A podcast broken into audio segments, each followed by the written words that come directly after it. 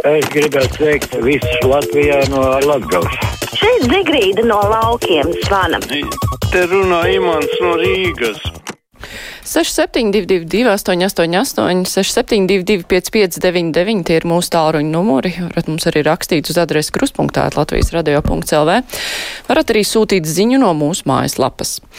Klausītāja Inta raksta, kas notiek ar medijiem. Tagad ir pirms Ziemassvētku laiks, bet radio dzird nepārtraukt valdības kritiku un vardarbības reklāmu. Medijiem būtu vairāk jāskaidro vīrusu nopietnību un jāizglīto vienkāršie cilvēki, kas ne lasa, ne skatās televīziju. Gribu pateikt, ka Karina, Kariņa uzruna bija domāta tautai, nevis polittehnologiem un rimīt direktoriem. Mani un manus draugus tā uzrunāja. Nu, man šķiet, ka mediji ļoti daudz cenšas stāstīt par covid, par tā bīstamību. Tā ļoti nopietni, diemžēl, cilvēki, kuri tam netic, kuri vairāk pakļaujas dažādām teorijām. Nu, viņi patērē ne mēdīs, bet sociālos tīklus un apšaubāmas lapas. Kā, hm. Man šķiet, ka pārāk maz nav. Varbūt varētu vēl vairāk, bet tad citi satraucās, ka mēs tik runājam par covid, covid, covid, covid. Klausītājs Juris vaicā, kad taps pieejams vakardienas 14. decembra, kā labāk dzīvot ieraksts. Jurim, ā, Juris vispār to vaicā, kā labāk dzīvot, bet ja Juris pēkšņi klausās arī brīvo mikrofonu, tad uh, var pameklēt mums Latvijas radio arhīvā, īpaši, ja nav tieši tur, kur ir konkrētais raidījums, bet tieši meklēt arhīvā pēc datuma, pēc laika. Tur ir pieejams pilnīgi viss, kas ir skanējis. Klausītājs zvana. Hello! Labdien! Labdien! Ziniet, ar vien trakāk. Ko tu klausies, ko tu neklausies, visu laiku atrodas tomēr mūsu tautā tādi cilvēki, kas uzskata, ka mums nav jāievēro to, ko uh, mums iesaka gan epidemiologi, gan doktori. Nē, demokrāti to neatzīst, bet visi šitie demokrāti, kā piemēram šitas Horens Stalbe, kas tas ir muzikants, ja? Nu, viņam redziet, jā, neiet ar to muziku laikam, bet mums pensionāriem tagad viņš būs jāuztur, jo par to, ka viņam redziet nav tik daudz koncertu, par ko? Par to, ka viņš ir uzskata sevi par demokrātu, bet maskas nevajag, uh, un tās ir muļķības, un var tur taisīt jampadračus, un var tur taisīt saviesīgus vakars, paklausieties, vai mūsu tauta tiešām sāk grimt pavisam tādā, kam nav loģikas, un kas vispār savai tautai nevēlē neko labu, nu? Nu, nevar tā bez loģikas dzīvot. Paldies! Jā, paldies. Es jums piekrītu, ka nu, ir traki, ja cilvēki, protams, ir jāsaprot arī visi, kuriem nav ienākumu, kuriem nav darba un kuriem ir grūti un katram ir savas iespējas strādāt attālināt, kurš var, kurš nevar, kuram vajag ļoti, lai strādātu tas bērndārs, kuram nevajag. Tas situācijas ir ļoti dažādas. Tomēr nu, visiem kopā vajadzētu atcerēties, ka nu, tas ar to slimību mums ir jātiek galā. Nu, mēs nevaram atļauties vairāk slimnieku, mēs nevaram atļauties vairāk mirušo. Nu, tas, tas ir pat traku, nu ir vismaz jādara tas, ko mēs varam izdarīt. Klausītājs zvana. Halo! Halo? Labdien! Brīvais mikrofons. Nu, vakar mūsu vietējā Maksima bija stāvgrūdām pilna pēc brīvdienu ierobežojumiem, un kurā noteikti inficēšanās iespējas bija lielākas nekā cilvēkiem svaigā gaisā Daugaumалā. Tā nu tas ir. Tā viņa valdības rīkojuma rezultāti.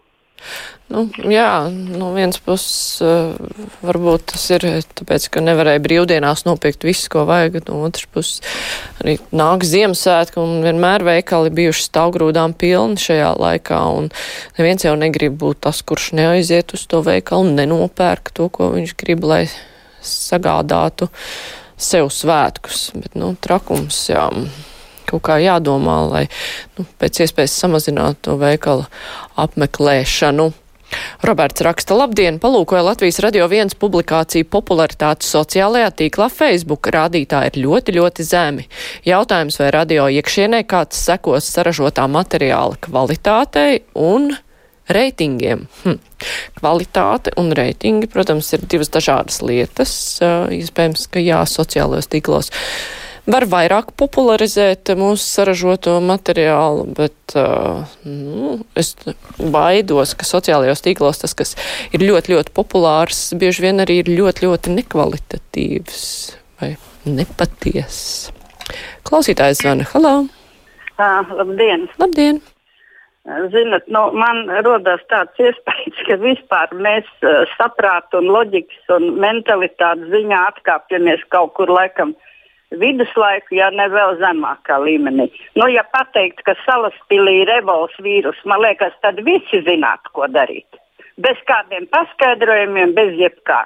Bet šodien mēs esam gatavi klausīties kaut kādu notekūdeņu pušļotāju un vēl tur kaut kādu nu, paklausties, jāsāk ir domāt par to vispār, ko skolā māca. Varbūt pēdējais laiks tomēr mācīt kaut ko no loģikas. Paldies!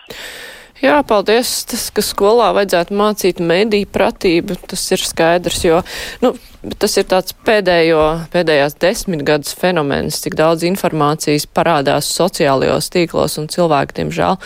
Tā kā sākumā nezināja, kā uzvesties tur ar savām bildēm, fotografijām un citām lietām, tā tagad arī īsti neatšķir, kam uzticēties un kam neuzticēties informācijas ziņā un sociālajie tīkli. Diemžēl ir tāds informācijas, tur var sasmelties tādu informāciju, ka bail paliek. Klausītājs van, halā! Labdien! Labdien! Es klausoties rādi un es domāju, ka varbūt koncertu zālē būtu laba vieta zinātņu akadēmijas vietā. Kādos nolūkos izmanto tagad to ēku un vai vispār izmanto zinātnē. Jā, nu kaut kas tur ir tajā ēkā. Tā nav, ka tā ēka būtu tukša, bet man šķiet, ka tur ir pārāk maz vietas, lai varētu uzbūvēt koncertu zāli, un tāpēc neviens to īpaši arī neapsver. Vēl klausītājs zvan, halā! Labdien! Nu redz, cik jauki ir, kad runā valdībai paspāvai katru dienu dot vārdu un nekad nepārtrauc.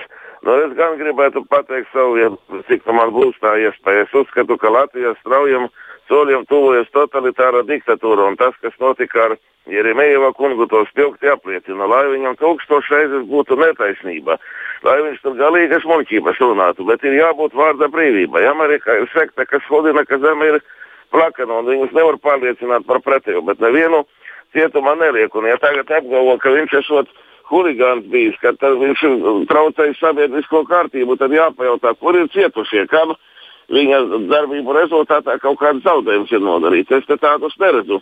Man aizdomās, ka tas huligānisms drīz būs kā pretpadomju agitācija. Visus, kas runā valdībai pretī, sodīs par huligānismu. Un es uzskatu, būtu tautai jāpalīdz savākt tos 50 tūkstošus drošības naudas, lai šo cilvēku izlaistu ārā.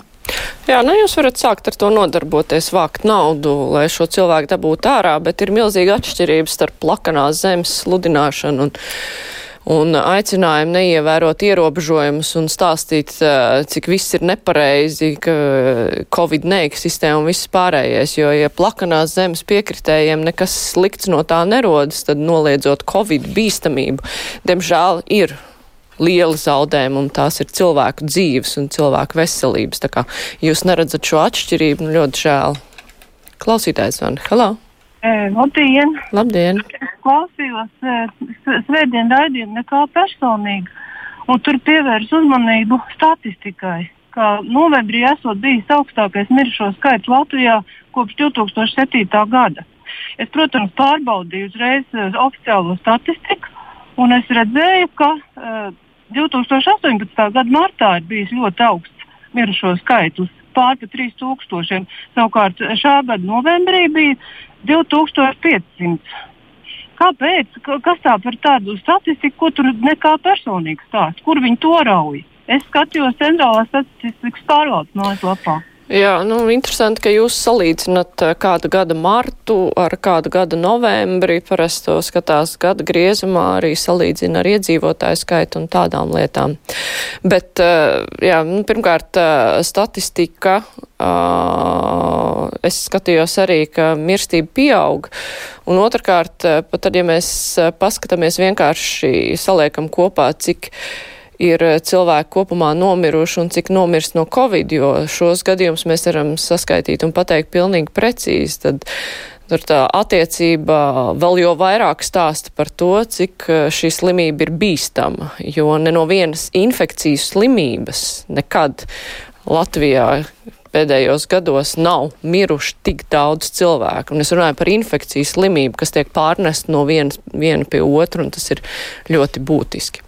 Jāna raksta, man bija pazīstama ģimene, kura bija covid skeptiķi, tad, kad tajā ģimenē jau bija mirušais no covid, tad mainījās viņu attieksme. Un, diemžēl, jā, iespējams, ka būs daļa tāda, kuriem būs jāaiziet šādai pieredzē, lai saprastu, ka tas nav nekāds joks. Ar mans raksta zaudējumi būs pēc vienas, divām nedēļām, kad nomirs vairāk cilvēki. Aivars no Daugavpils melo.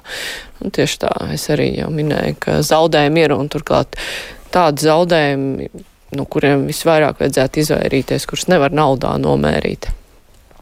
Alis raksta, man tomēr šķiet, ka tauta kopumā nav muļķi un nevajag klausīties to bļausī, bļaustīgo mazākumu, sevišķi tracina tie veselie jaunie vīrieši, kuri žēlojas, ka nav no kā dzīvot. Nu, protams, ka visiem ir tiesības žēloties, ka nav no kā dzīvot, un ja tiešām darba nav un ir jāēd tūlīt un tagad, un ģimene ir jābaro tūlīt un tagad, žēloties var, bet uh, tajā pašā laikā nu, ir jāsaprot, kā vārdā tas viss notiek, un ka tas nav tāpat vien joka pēc, lai kādu ierobežotu, bet tas ir tāpēc, ka šī slimība ir jāaptur, lai nebūtu vēl lielāka zaudējuma. Paldies, klausītāji! Brīvais mikrofons ar to arī izskan. Tagad būs ziņas, bet pēc tam mēs runāsim par satversmes tiesas spriedumu par minimālajām vecuma pensijām, kā izpildīt šo spriedumu. Tagad klausieties ziņas.